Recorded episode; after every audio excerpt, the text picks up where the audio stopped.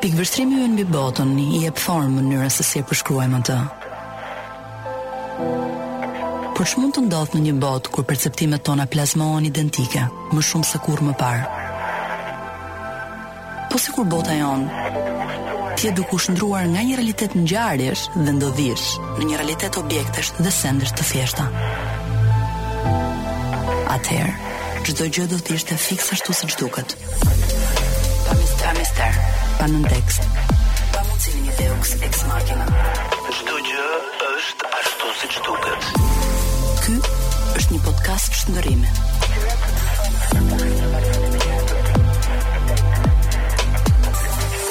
Çdo gjë është ashtu siç duket.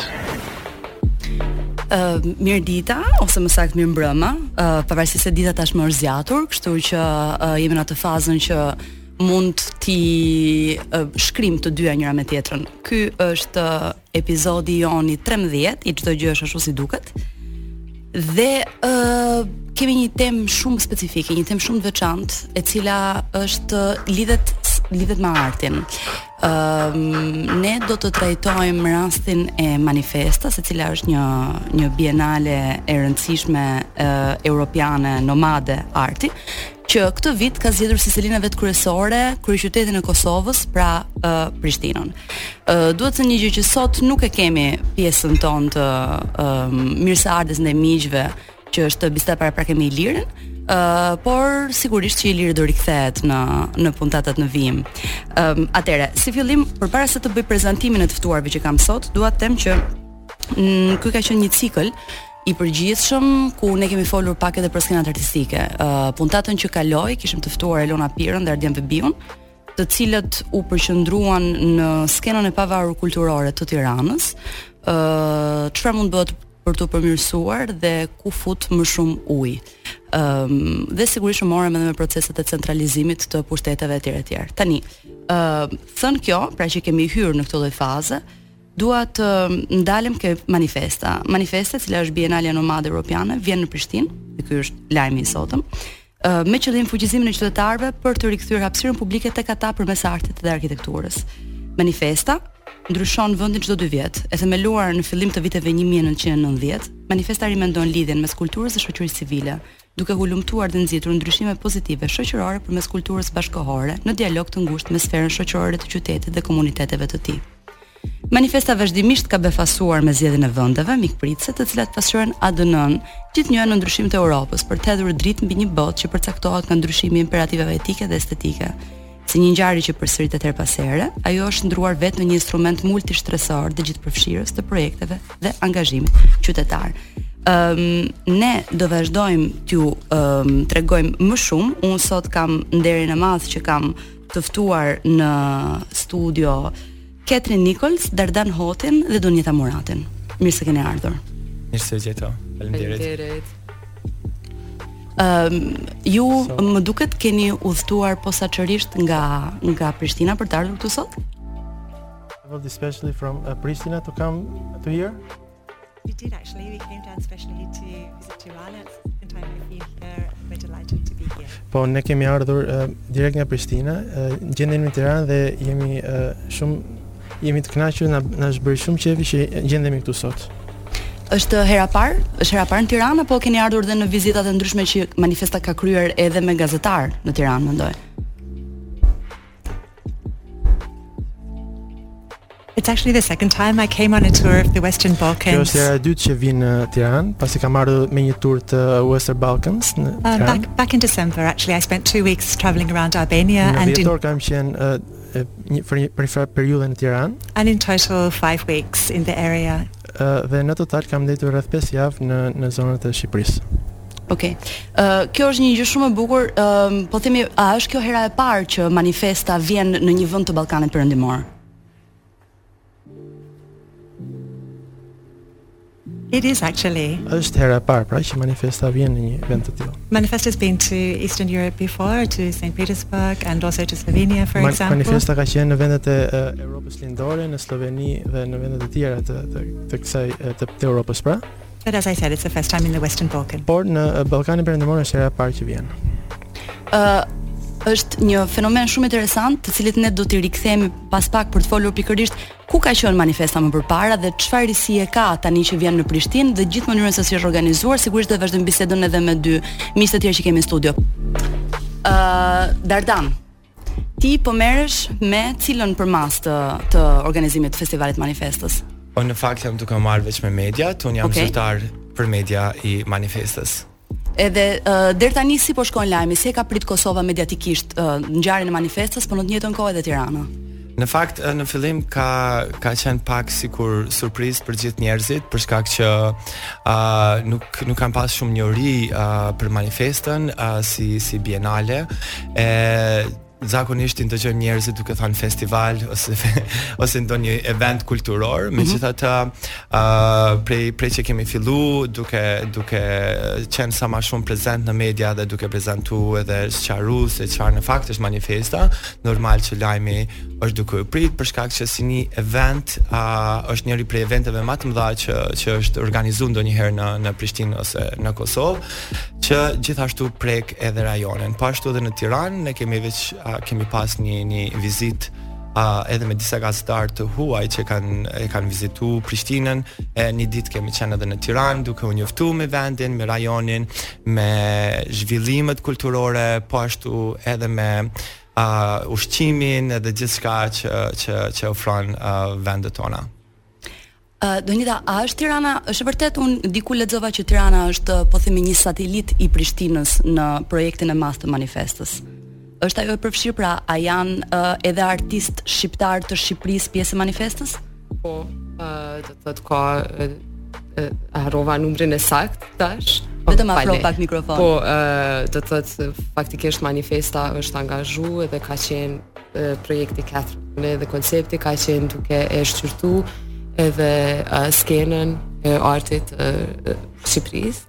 edhe ndërsa ka edhe shumë artistë të cilët janë tu marrë pjesë edhe në po mendoj edhe përmes veprave të ndryshme edhe në instalacione artistike edhe në intervenime artistike edhe me punë të reja në manifesta në Prishtinë do të thotë edhe edhe po ashtu manifesta është edhe pjesë e një programi rajonal, ëh, uh -huh. ku përfshihen uh, organizata të ndryshme, ëh, uh, të rajonit, do të thotë prej Tiranës, nga Beogradi, Shkupi, ëh, uh, dhe si pjesë e kësaj kësaj iniciative do të thotë është marrë edhe me këtë pjesë rajonale dhe bashkëpunimet rajonale dhe ndërsa institucionet partnere të manifestës do të organizojnë uh, ngjarje të ndryshme uh, si program të pre-bienales, do të thotë kanë qenë duke organizuar faktikisht yeah. ngjarje të ndryshme gjatë gjatë gjithë kësaj kohe. Është shumë interesant, qoftë se mund të të, të kërkoj vetëm një nder të afrohesh pak më shumë nga po, mikrofoni, që dhe dëgjuesit tanë të të po. dëgjojnë pak më mirë. I kemi pak uh, i kemi pak jo, pak lart. Uh, Megjithatë unë doja të kthesha pak ke uh, te Ketrin. Uh, doja të dija si ka qenë rrugtimi jot për t'u përfshirë dhe për të marrë, po themi, rolin e një drejtimi artistik të Bienales së Manifestas të 14 që është për Prishtinën. Si u, si u përfshive në gjithë procesin?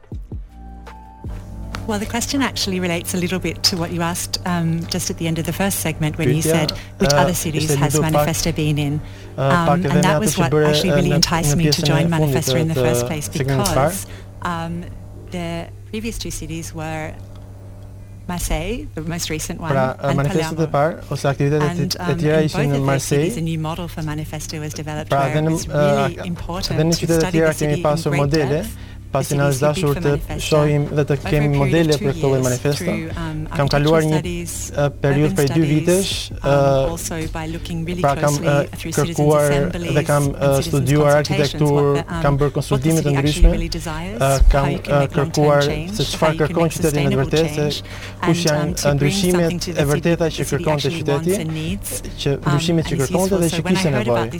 Dhe kur dëgjova për historinë që kishte, mendova se kjo ishte një diçka që unë do të doja të isha me të vërtetë pjesë. Uh, pra do të kisha uh, shumë dëshirë të merrja pjesë në Prishtinë dhe të bëja një udhëtim në Prishtinë për ta parë atë um, vend, për ta parë se sa e pasur ishte, sa e pasur ishte me artistë, me aktorë, me aktivistë, dhe kjo ishte një pikë që mendova se mendova se kishte një diçka për të mund të kontribuoja, mund të bëhej një diçka me të gjithë këtë pra me të gjithë këtë background ndërdisiplinor pra.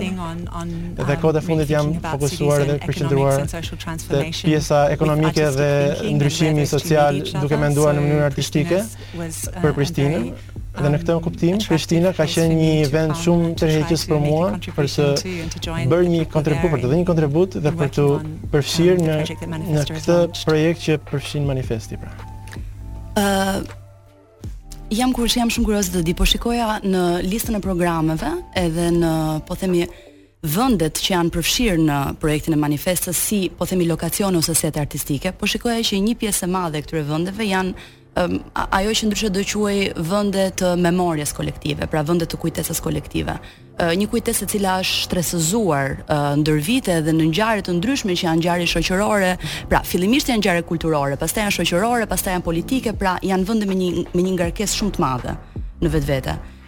Ëm sa delikate është të raportohesh me vende të tilla, ëm të cilat gjithsesi janë shumë sensibël, janë janë janë hapësira shumë sensibël për njerëzit vetë.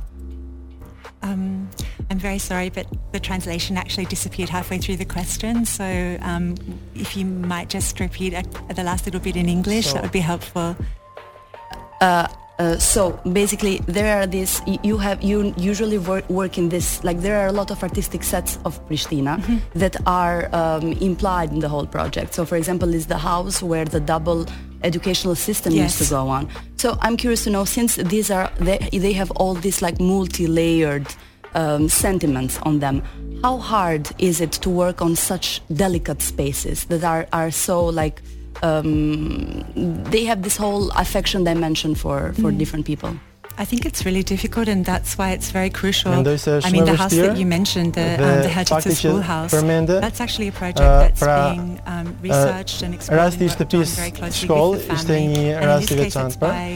e cila ishte e lidhur me një këtë kujtesën kolektive të Kosovës dhe me eksperiencat, por në shembuj të tjerë, për shembull, një vend në Rilindje, pra, një vend një histori, një vend historik, pra, ka qenë shumë vend i veçantë, pasi um, Kosova ka pas mungesa në pjesën e medias,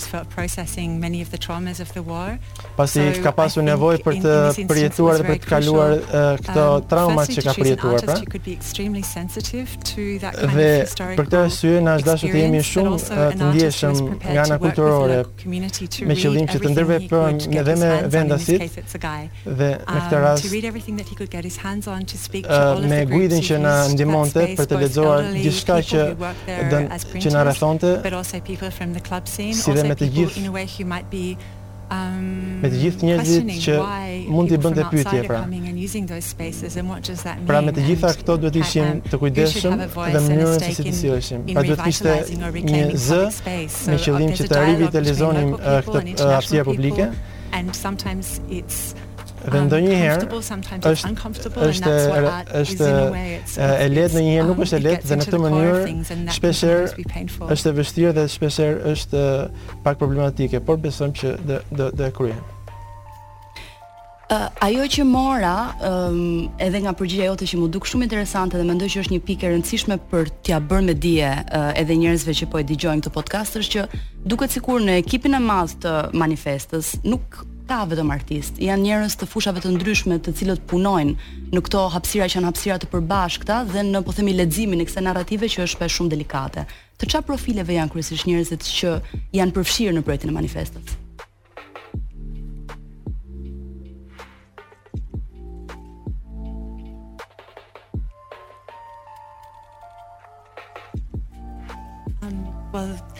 One uh, very big difference, for example, is a group of architects and urbanologists pra, who've been invited from Germany in this case. It's actually an international collective. që janë një grup kolektiv i ndërkombëtar. Pra, emri i grupimit është um, pra uh, grupimi Epsilon, dhe është një grupim i bashkuar për over the years I've been working with that collective, I, I guess over 100 different young art, often young pra, architects and urbanologists, so it's already international. Pra, për më shumë se 100 artistë dhe pjesëmarrës teknikë kanë marrë pjesë në këtë arkitektë, pra. pasi ata punojnë në fabrikën e tullave në Prishtinë, pra është një komunitet i madh, të cilët janë të interesuar në këtë pjesë, që janë të interesuar në hapësira të ndryshme të këtij aktiviteti, pra po përpiqen të punojnë me strukturat ekzistuese, duke punuar me njerëzit, me qëllim që të përshtaten dhe të mësojnë se si të punojnë me pra me grupimin e ardhshëm të të ardhmes me hapësirat e përbashkëta dhe me njerëzit që kanë interesa të përbashkët. looks like um like looks like a philological project all of it not only an artistic one uh, i mean i cannot wait to be part of this 100 days right that's going to that's uh, do zgjasi edhe edhe manifesta. Uh, përshëndetje, jemi kthyer prapë në çdo gjë është ashtu si duket. Un jam Ana Shkreli. Ëm um, tani doja ndaloja shumë interesante ajo që ndodhi. Mënyra se si mendja ka tendencën që të adaptohet në bazë të gjuhës që po dëgjon. Për ata që janë të sintonizuar me ne për momentin, e vrejtën që um, ndodhi një kalim, po themi nga shqipja në anglisht, kështu që unë ju kërkoj ndjesë dhe do përpiqem që mos ta bëj më këtë gjë, ta kem pak më shumë fokusin ke ju, sepse e kisha për momentin e kisha gjithë fokusin ke Ketrin që po thoshte gjëra shumë interesante, të cilave unë dua që t'i rikthehemi, po për momentin doja të ndaloja pak ke Dardani. Ëm um,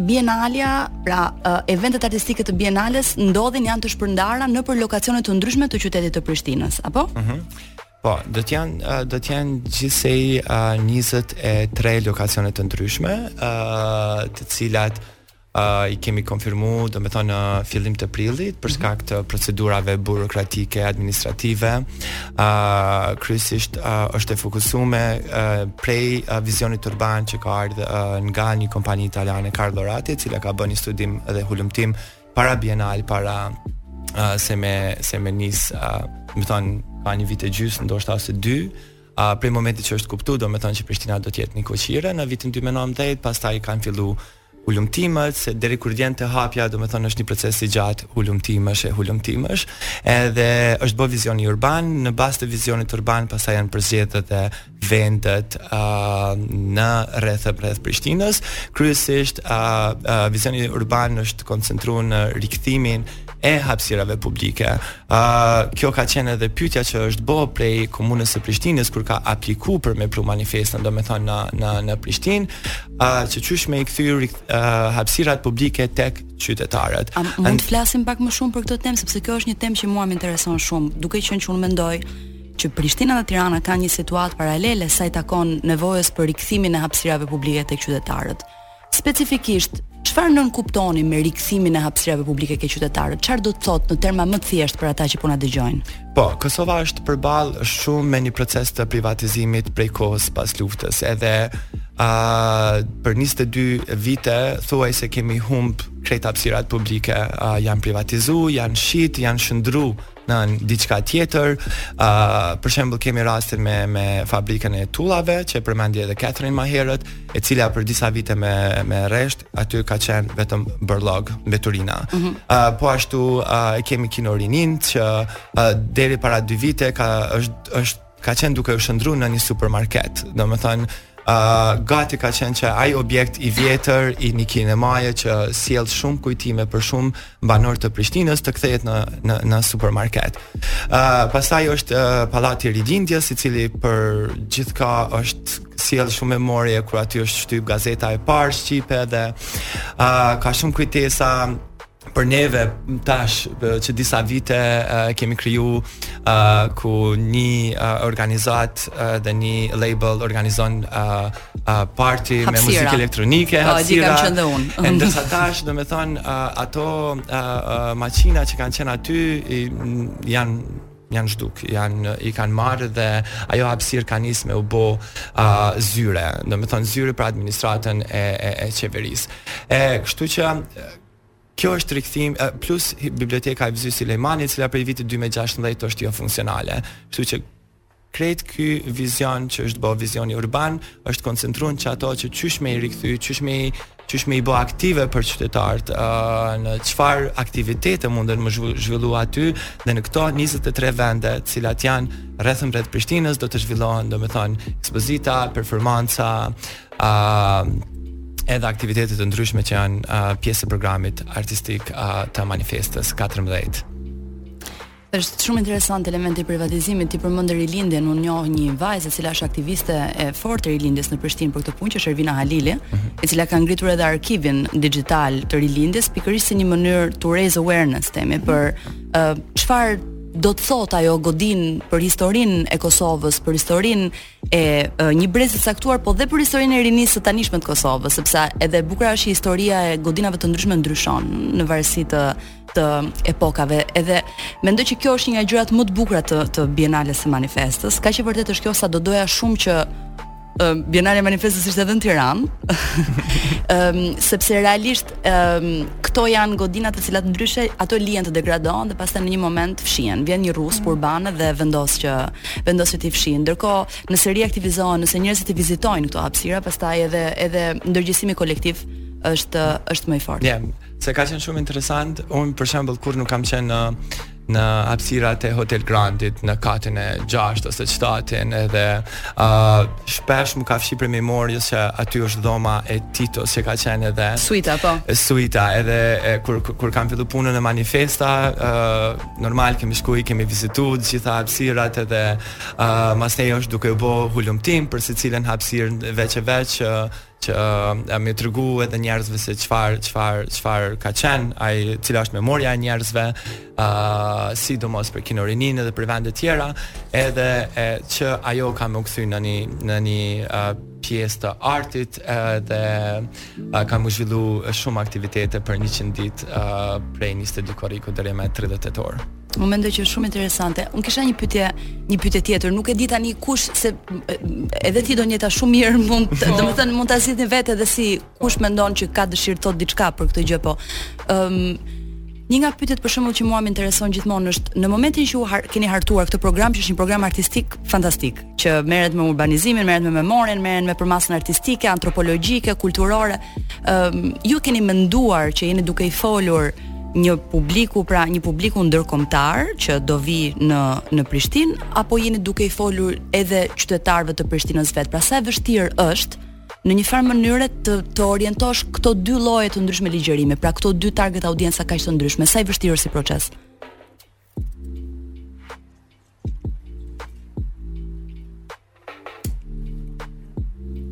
Would you like to say something, Tonya? Or do you want to? I can follow. I think it's really crucial to speak to a broad audience. Unë mendoj se është shumë e rëndësishme të mhm. flasësh në një për një audiencë uh, gjithëpërfshirëse. As equally important as it is for um, artists from different backgrounds to speak to one another to enter into a dialogue about the issues that are most important to us on the world scale. Gjithashtu është e rëndësishme të flasësh për uh, persona dhe individë nga backgrounde të ndryshme në një um, gamë të madhe. Është po aq e rëndësishme sa të flasësh audienca ose njerëzve uh, jo vetëm të Prishtinës, por edhe ndërkombëtare. Speaking to the audiences in Prishtina, I think it's important to speak to people of all age groups, people of all different educational backgrounds. Përveç se audiencës dhe njerëzve në Prishtinë, është e rëndësishme t'i flasësh dhe njerëzve të moshave të ndryshme dhe backgroundeve të ndryshme, me qëllim që njerëzit të kenë një mundësi për t'u përfshirë në veprimtari artistike dhe nëse nuk kanë një background artistik, me qëllim që ata të përfshihen Në këtë manifest, pra, i gjithë ky koncept uh, është, është zhvilluar me këtë gjë në mendje, pra që të përfshihet, të jetë gjithëpërfshirës. Um, pra të jetë uh, i aksesueshëm për të gjithë njerëzit, pavarësisht backgroundit dhe të mos um, jetë uh, i pakuptueshëm. Dhe e megjithatë, përveç kësaj pra, gjithsecili mund të përfshihet. Unë çka dashta më shtu këtu është që edhe edhe mendoj edhe koncepti edhe tema që është që ndërlidhet me narracion edhe me tregimin. Ë uh, janë shumë tema edhe universale dhe munden me u apliku mm. mandej në mënyra shumë të veçanta në në secilin ambient dhe është diçka që ë uh, mundemi me pas përbashkë si po mendoj si publiku lokal edhe publiku ndërkombëtar. edhe mundet me qenë mandej përvoja e veçantë e secilit që e informon një koncept të, të caktum ose për shembull uh, si çfarë, çfarë pasoja ka, uh, ka narracioni më falni, kërkoj falje pra uh, do të thotë çfarë, uh, çfarë pasoja ose si, si ndërtohen kuptimet kolektive ose uh, domethënjet kolektive për, uh, për të gjithë ne, është, është shumë me rëndësi, po mendoj në, në shumë nivele të ndryshme, edhe mendoj që kjo edhe mundet me i bashku audiencat e ndryshme. Uh, edhe dashta edhe pak me u ndërlidhë edhe me kujtesën kolektive dhe në, mm -hmm. me uh, Përpos faktit që me të vërtetë Kosova ka kalu nëpër një periudhë të, të po mendoj të privatizimit të shumë shumë ndërtesave të ndryshme është edhe tepër me rëndësi edhe kjo mbledhja që mundet me ndodhë në hapësinë publike ku uh, mbledhësh përreth një përmbajtje të caktume që mundet me qenë ma sfiduse ose kritike Uh, edhe po m'duket që edhe ajo ka të bëjë shumë edhe me rimarrjen e hapësirës publike rreth çka mbledhesh edhe si si e diskuton. Edhe mandej ndërtesat, monumentet, rrugët uh, krejt të Prishtinës edhe disa edhe që nuk janë aq të njohuna, gjitha kanë shumë shtresa të ndryshme të përpos kujtimeve po edhe të uh, të funksioneve që i kanë pas gjatë gjatë historisë. Edhe ato vetë Po mendoj veç me dekonstruktu çka çka të kanë dasht me thonë se çka ka reflektu çfarë ideologjie të caktuar të kohës, uh, të tregon shumë edhe për mirëqenien uh, gjatë historisë të Prishtinës, po edhe njëjtën kohë edhe edhe tash nëpër çka po kalojmë. Uh, tash si për shembull Hoteli Grand ose që fillon si hotel, mandej bëhet dhe me një moment gjatë 90-tave nuk mundën me hy shqiptarët në hotelin Grand se bëhet bazë për paramilitarë dhe mandej vazhdon edhe pas luftës bëhet një vend për um, mbramje të maturës, edhe tash ka edhe funksionet advertising gym. Kështu që me kështu që ka shumë shtresa të ndryshme të cilat munden me u uh, trajtu gjatë vetëm duke e shikuar një ndërtesë të posaçme. Shumë interesant. Përshëndetje, um, jemi rikthyer sërish mbas një pauze të shkurtër uh, publicitare, të lajmeve me radhë.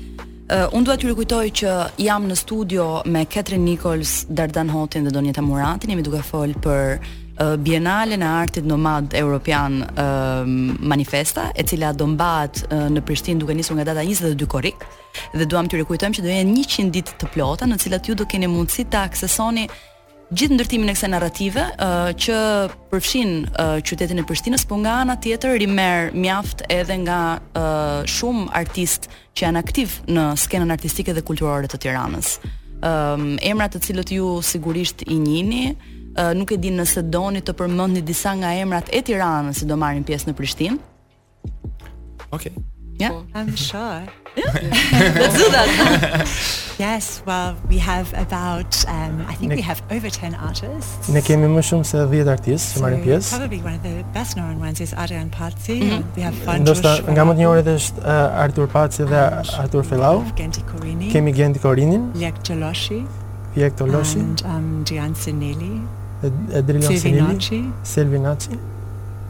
Abi Shehu, i cili është një nga artistët më të rinj të Manifestës, si dhe Valentina Bonizzi, i cili nuk është shqiptar, por ka jetuar në Shqipëri për një periudhë të gjatë, pra është një italian që ka jetuar në Shqipëri.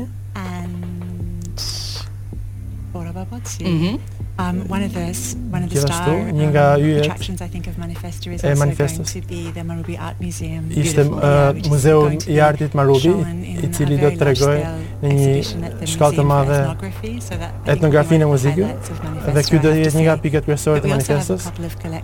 Gjithashtu kemi një disa um, kolektiva që jashtë sezoni, që është një grup i përbërë nga grup pjesërisht i përbërë nga Kosova, um, Rumania dhe Shqipëria. Gjithashtu një gjë e rëndësishme.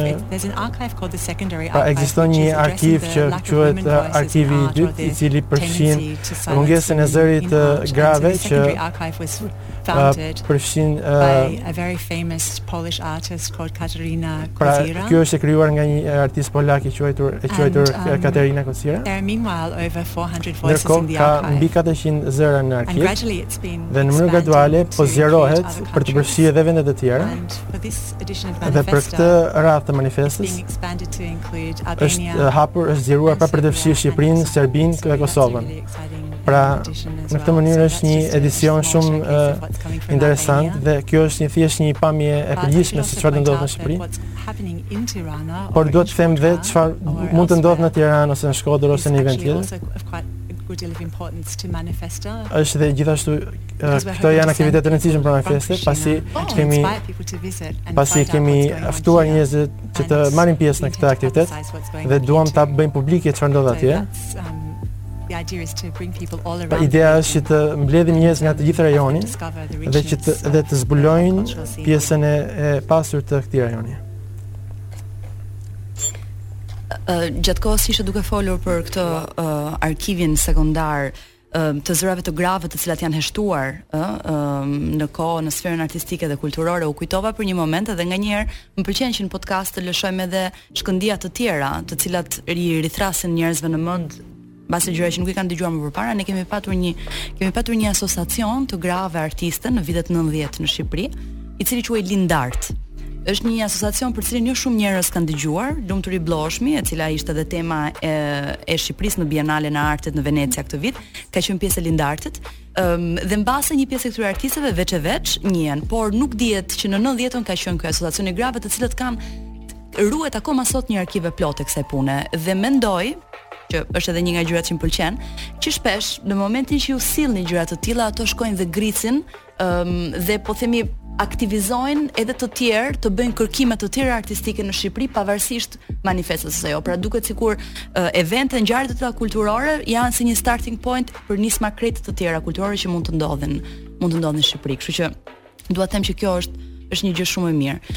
Ë uh, megjithatë un doja të të fokusohesha pak edhe tek një aspekt tjetër që më duket shumë relevant për uh, kohën të cilën po jetojmë, që siç e dini jemi në një mes të një konflikti i cili um, nuk e dimë është global, nuk është global nga njëra anë ai është i përqendruar në Ukrainë, por nga ana tjetër në një farë mënyrë na afekton gjithëve përditë për skenat që shohim për uh, padrejtësinë që po ndodh, por nga ana tjetër edhe për sanksionet ekonomike që pritet të merren etj etj. Pra në një farë mënyrë është tashmë është global, nuk është se është vetëm lokal.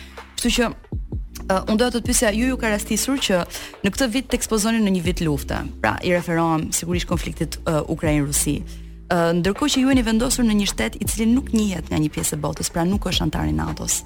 Ëm uh, dhe nuk është sigurisht as pjesë as pjesë e BE-s. um, sa e vështirë është në një farë mënyrë të relacionohesh me artin dhe të punosh gjatë këtij viti për një bienale arti duke ditur që disa kilometra më tutje në kufijtë e Europës ka një konflikt global të këtij lloji. Um, Për mendimin tim është diçka shumë e vështirë me qëllim pra është shumë e vështirë për shkak të konfliktit që po um, ndodh. Njerëzit janë shumë të shokuar dhe shumë të shqetësuar dhe po flas për kolegët e mi që janë në Kosovë. Dhe kjo um, menjëherë ngre pyetjen për drejtimin e Manifestës, a duhet të vazhdojmë?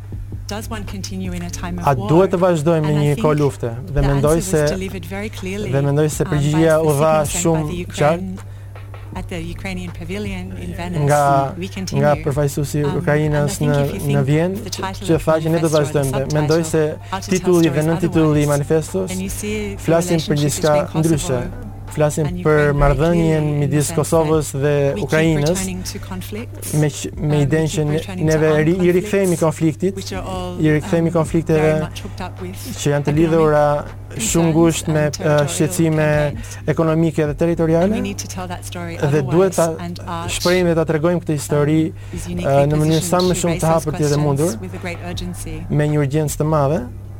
So it seems um, more important than ever to to pra, Kam, është më e rëndësishme se kurrë që të bëjmë këto pyetje, um, por shumë në mendim kritik pra.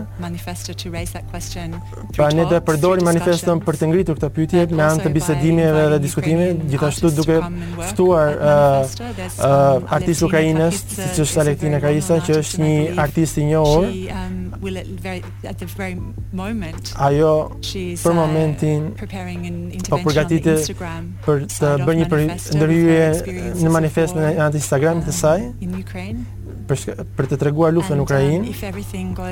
Dhe nëse gjithçka shkon siç kemi dëshiruar, Alevtina do jetë një nga artistët ukrainas që do të vijnë në manifest. e cila do të komentojë për luftën që do të shkëmbejë histori me të tjerë, me shumë vizitorë të tjerë, gjithashtu për të shkëmbyer histori me histori të shqiptarëve. Gjithashtu manifesti nuk i trembet pjesës politike, ka shumë gjëra për të bërë.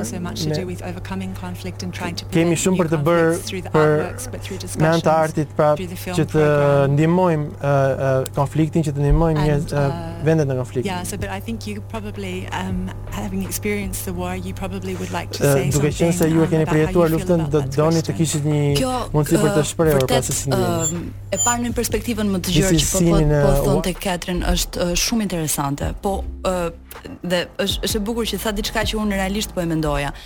Duke folur për shembull me njerëz të ndryshëm, kam kuptuar që përjetimi i i kësaj që po ndodh sot në Prishtinë është diçka që ndjehet gjerësisht. Ë uh, jemi në çdo gjë është ashtu si duket, unë jam Ana Shkreli, deri tani siç thamë jemi duke folur për 100 ditët e manifestës, çfarë nënkupton manifesta?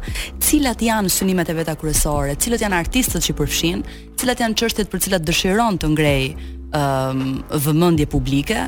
cilat janë statement e veta kryesore dhe mbi të gjitha sa e vështirë është po flisim tani me Ketrin, sa e vështirë është që të vazhdosh me praktikën artistike në kohëra konfliktesh globale, të cilat të detyrojnë që nganjëherë të shtrosh pyetje reale nëse duhet vazhduar arti apo jo, po uh, manifesta ka vendosur të vazhdojë. Edhe mendoj që ky është lajm shumë i mirë sepse uh, sigurisht njerëzit kanë nevojë të reflektojnë, kanë nevojë të debatojnë, të dhe të kuptojnë dhe pikëvështrimet e njerëzve që janë në dialog me njëri-tjetrin, po dhe me hapësirat e ndryshme publike.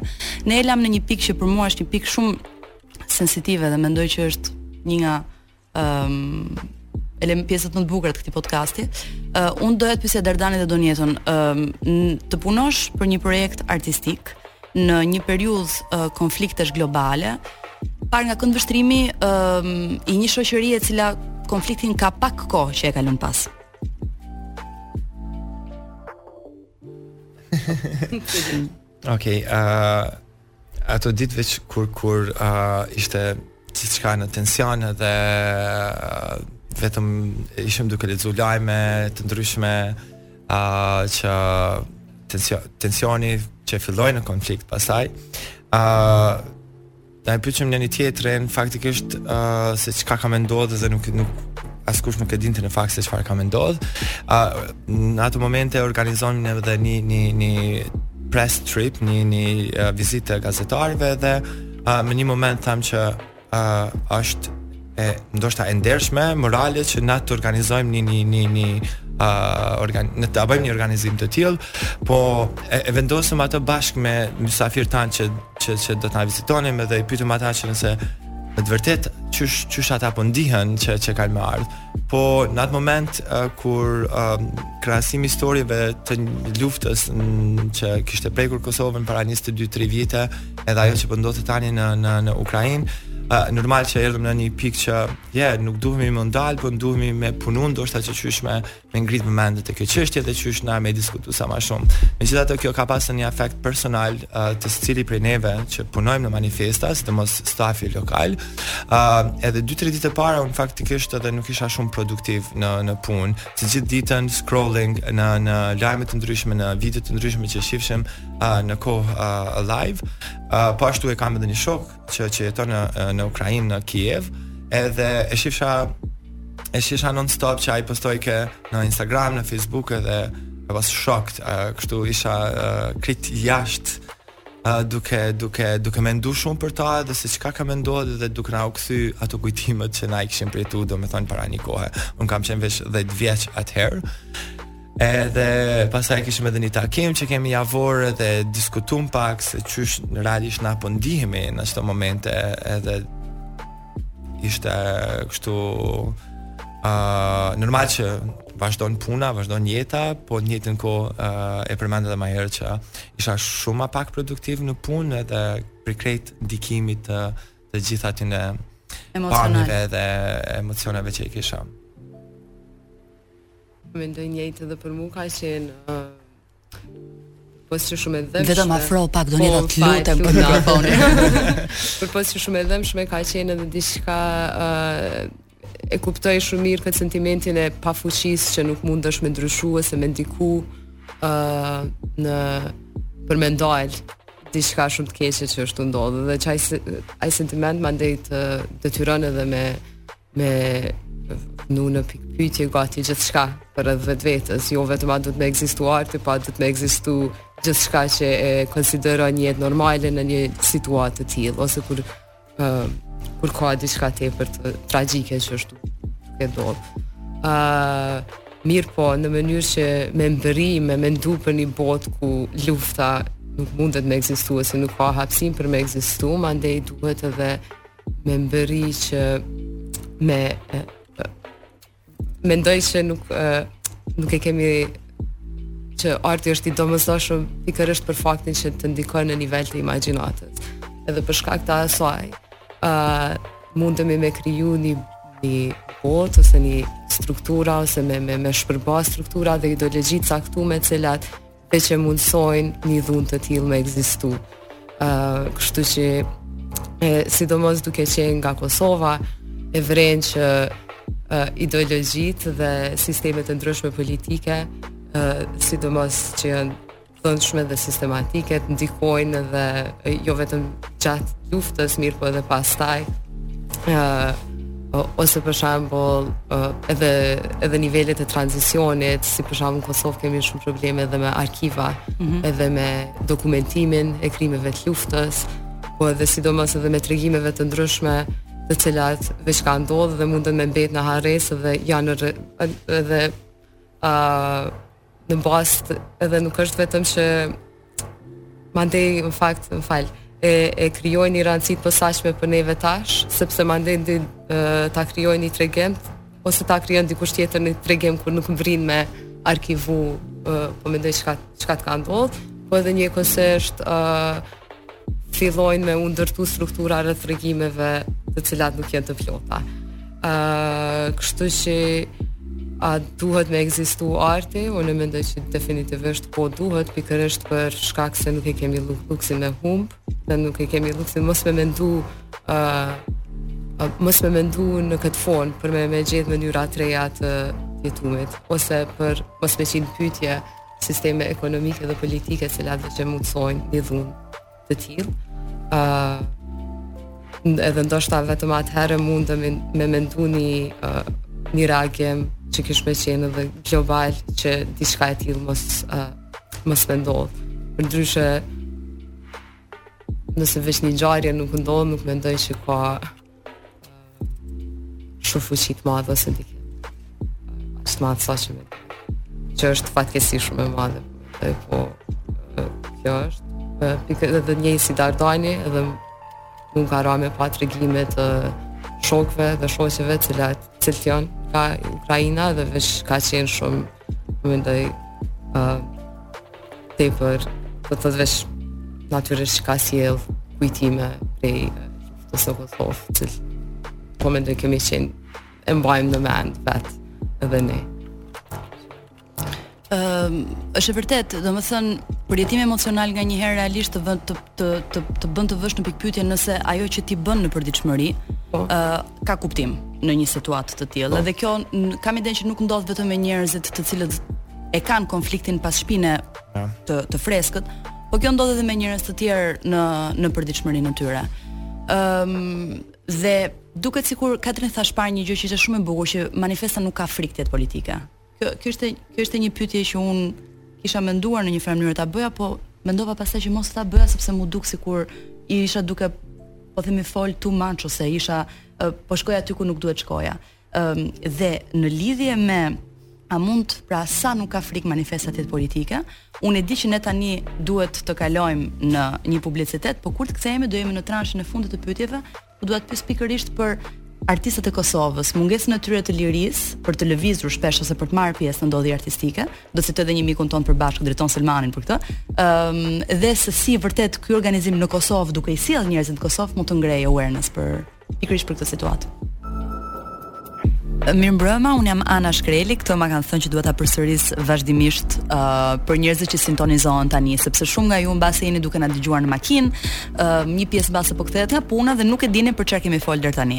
Uh, kështu që ne deri tani kemi folur për 100 ditët e Manifestës, që është Bienalja e Madhe Europiane e Artit Nomad, e cila do mbahet në Prishtinë, po sigurisht përfshin dhe artistë nga Tirana.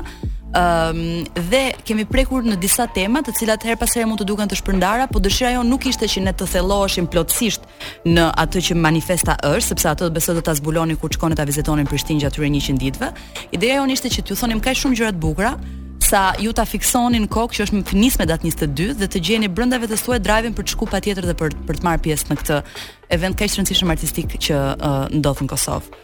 Ëm um, folëm pak pak më përpara për situatën e të bërit art në periudhë konflikti dhe për të gjitha pyetjet e dilemat e brendshme që në një farë mënyre i lindin jo vetëm artistëve, por dhe njerëzve që punojnë me praktikën artistike. Ëm ehm, uh, dilema që janë dilema tërësisht njerëzore në sensin që për çfarë po vazhdoj po e bëj këtë dhe uh, megjithatë është shumë e rëndësishme që arti të vazhdojë, praktika artistike të vazhdojë dhe komunikimi të vazhdojë. Ëm uh, siç po thashë më parë Katrin tha një gjë që mua më duk shumë e guximshme, ëm um, dhe më duk shumë e bukur, që është pikërisht fakti që Manifesta nuk ka frikë të jetë politike. Ëm um, për këtë arsye u ndjeva edhe më komode dhe më e lirë për ta bërë këtë pyetje që në fakt në shënimet e mia e kisha çik me pikëpyetje, në sensin që është okay, s'është okay. Uh, duke qenë që unë nuk dua asnjëherë të vë në siklet njerëz që ftoj në studio se kjo është një gjë që s'ka sens. Ëm um, Kosova ka probleme lëvizjeje. Ë uh, në sensin që shumë vende nuk i njohin pasaportat e tyre, ë uh, shumë vende nuk e njohin Kosovën si shtet, dhe si rrjedhojë, uh, shumë artistë nuk e kanë lirshmërinë që të ndjekin bienale apo ekspozita të ndryshme që mund të mund të take place, mund të ndodhin në vende të ndryshme të botës. Unë nuk isha në dijeni për këtë, turp është me e thënë, por nuk isha në dijeni të kësaj gjëje deri në momentin që Driton Selmani, i cili është një artist fantastik që është i përfshirë për më shumë në në programin e Manifestës, uh, bëri një prezantim libri në Tiranë, libri i tij quhet titullohet Hidden in Plain Sight, uh, dhe ngriti këtë problem. Pikërisht mungesën e lirisë ë në lëvizshmëri nga ana e artistëve të Kosovës për të ndjekur um, ekspo të ndryshme nëpër botë. Ë uh, duke qenë që një pjesë e komunitetit ndërkombëtar të artistëve do vinë në në në Prishtinë për të ndjekur dhe për të marrë pjesë në Bienale, automatikisht kjo më duket mua është një pyetje që ngrihet.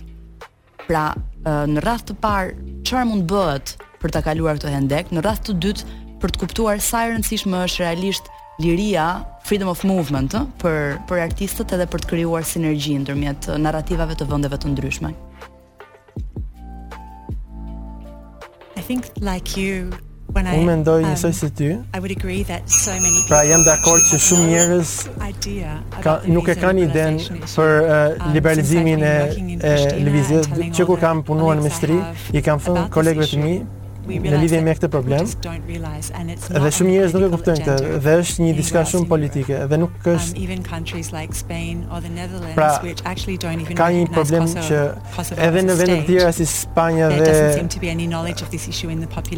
pra kanë probleme të lëvizshmërisë me popullsinë. Dhe kjo është vetëm fillimi e politikizimit e politizimit të kësaj çështje. Por duke sjell dy delegacione të gazetarëve në Kosovë dhe shumë prej tyre kam parë që kanë dashur të shkruajnë për pjesën e Manifestos në Kosovë. për të bërë edhe kërkime në Kosovë. Dhe shumica e tyre kanë shkruar menjëherë, na kanë kthyer përgjigje, pra nuk pritën që të fillonte Manifesta për këtë çështje. Një nga arsyet kryesore që ata vendosën të bënin një gjë këtë gjë pasi ata ishin shumë të prekur nga kjo gjë. Um, dhe për shumë njerëz ishte Um, eh, pra burgu më më i madh në um, në Europë ose në kontinent. Dhe njerëzit ishin kaq shumë të eh, tronditur um, saqë filluan të shkruanin për këtë gjë. Pra ata shkruan dhe në një gazetë në Spanjë, Katalan, pra, që ngritën çështje politike me qëllim që të njihnin një vend tjetër, siç është Kosova. Dhe kjo është ky është dialogu edhe edhe më parë se të fillonte manifesti.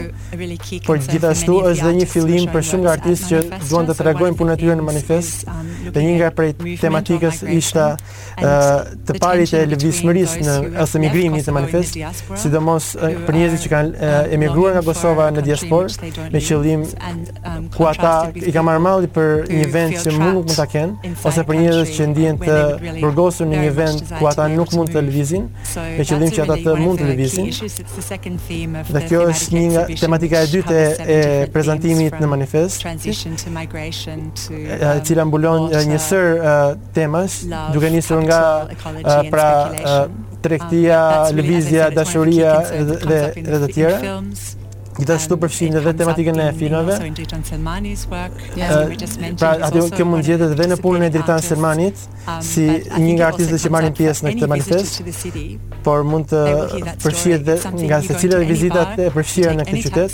Në çdo taksi, në çdo vend, me këdo që të takohesh në, në, në Kosovë, mund ta gjesh një, një tematikë të tillë. Me çfarëdo bisede që, por jam i sigurt që dhe kolegët e mi kanë diçka për të thënë për këtë gjë, pasi at, ata i, per, i prek direkt një, një tematikë e tillë. Uh, ne ishim duke e fol pak këtë gjë në pauzën publicitare um, dhe kur u kuptua që po, është kështu, është një problem. Donjeta bëri një koment shumë bukur që lidhet në fakt me një me një nga pyetjet që unë kisha përgatit paraprakisht, që ishte situata e pra freedom of movement të artistëve, por e parë nga situata e uh, post pandemike. Mhm. Pra, pyetjet që ngre dhe në një farë mënyre si e kemi si si është përjetuar kjo, domethënë nëse në rastin e parë kjo për vlen vetëm për ishte një pyetje që shtrohet vetëm për artistët e Kosovës, sepse është një problem politik. Në rastin e e, e Covidit, po themi dhe të situatës post pandemike është një gjë që vlen për komunitetin artistik në përgjithësi.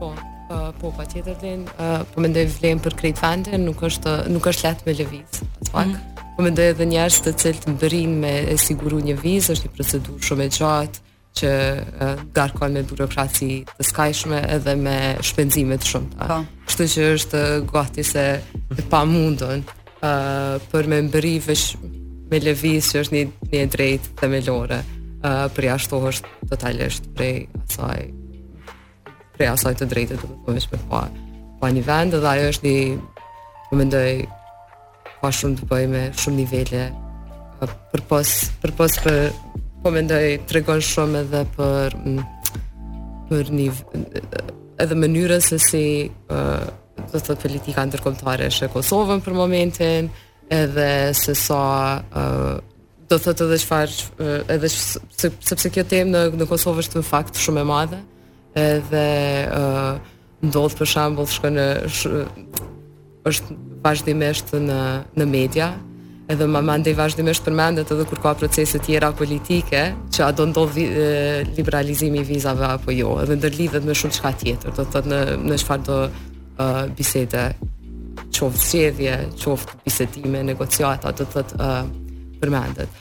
Uh, sa i përket pandemisë, faktikisht çka m'u kujtu gjatë gjatë pauzës sa e patëm keq edhe gjatë pandemisë është kriju pyetja se ose në fakt edhe gjatë pandemisë ka qenë pyetja se a duhet jo vetëm uh, a duhet arti të ekzistojë, por më shumë se si trajtohen uh, punëtorët në art dhe artistët e pavarur gjatë një krize të tillë.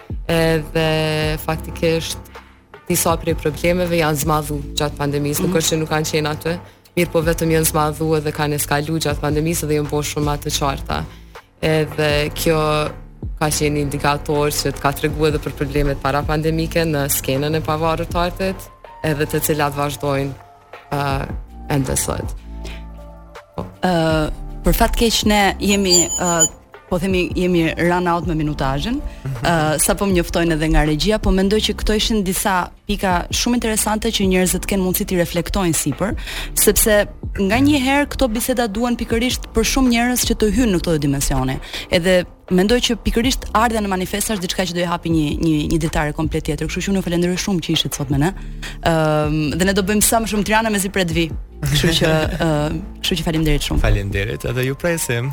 Ne ne ne do rikthehemi për të lexuar pasazhin tonë. Faleminderit. Uh, përshëndetje, jam prapë Ana Shkreli, jemi kemi hyrë në segmentin e fundit të çdo gjë s'është ashtu si duket. Unë miqtë e mi nga uh, Prishtina, pavarësisht se Ketrin është uh, nuk është nga Prishtina, uh, tashmë i përcolla, uh, mendoj që ka qenë një bisedë, shpresoj që ka qenë një bisedë interesante për të gjithë ju që keni dëgjuar, sepse nganjëherë është bukur që t'i japësh hapësira aktiviteteve artistike që ndodhin pikërisht në moment kur ato janë kaq të thella sa realisht të ngrejnë ëm um, pyetje shumë të rëndësishme, jo vetëm për artin, por për epokën, për shoqërinë në të cilën jetojmë. Siç e dini, unë ju kam premtuar gjithmonë që në fund fare podcastin zakonisht e mbyllim me një lexim. Ëm um, të një gjëje që kam lexuar unë, që më pëlqen, që kam dëshirë ta ndaj me ju. Leximi që do të bëj sot e kam lidhur tematikisht pikërisht me uh, artin. Pra kam zgjedhur të lexoj një fragment nga disa publikime të një institucioni artistik shqiptar, i cili quhet uh, Art House. Uh, është një qendër arti, kryesisht arti pamor uh, në Shkodër, themeluar nga Adrian Paci, mendoj që janë duke bërë një punë shumë të mirë dhe ata kanë nisur një seri uh, botimesh editoriale, të cilat uh, quhen Bulzat um, dhe janë po themi ngjërime të vogla që ju mund të merrni nga mendime të ndryshme të uh, artistëve ndërkombëtarë apo të filozofëve ndërkombëtarë. Uh, Bulzat ka dalë në serinë e vet të dytë tashmë dhe un kam zgjedhur uh, të lexoj një pasazh nga uh, teksti i Jimmie Durham uh, dhe quhet Lënda. Uh, un do ta nis nga fillimi. Ky studim filloi në Venecia, vendlindjen e turizmit dhe të suvenirave të krijuara për tregtinë turistike. Por ne nuk do të shprehemi mbi objektet. Ky është një tjetër diskutim. vetëm mbi sendet dhe materialet. Nëse stafi i linjës ajrore më trajton keq, mund të shkruaj me dëshirë një letër ankese. Nëse e shkruaj këtë letër me dorë, me stirolaps apo me laps, sekretarja do ta flakë pa e lexuar askush. Ajo do ta dijë që letra është shkruar nga një i çmendur. Nëse përdor një makinë shkrimi, rezultati do të jetë i njëjtë, sepse tashmë pamja e një letre të shkruar me makinë shkrimi bart pothuajse të njëjtin mesazh shoqëror që bart një letër e shkruar me dorë. Një letër ngjyrë fildishi, e gjeneruar dhe printuar nga kompjuteri, që mundësisht ka në krye logon e kompanisë time. Ky është lloji i njoftimit që shqyrtohet me kujdes. Në gjuhën angleze, ashtu si në të gjitha gjuhët kelte dhe protokelte, deri te sanskritishtja dhe te gjuhët indoeuropiane, fjala pemë ka të njëjtën rrënjë me fjalën vërtetësi. Por tradicionalisht pema nuk kishte domethënien e një grupimi të përgjithshëm. Ajo nënkuptonte pemën e lisit. mund të hamendësojmë se vetëm lisi është i vërtetë dhe se vetëm një lis është me të vërtetë një pemë, prototipi në mendjet tona europiane. Atributi i parë i Zeusit ishte lisi, sepse para se të antropomorfizohej nga grekët, ai ishte pema e lisit.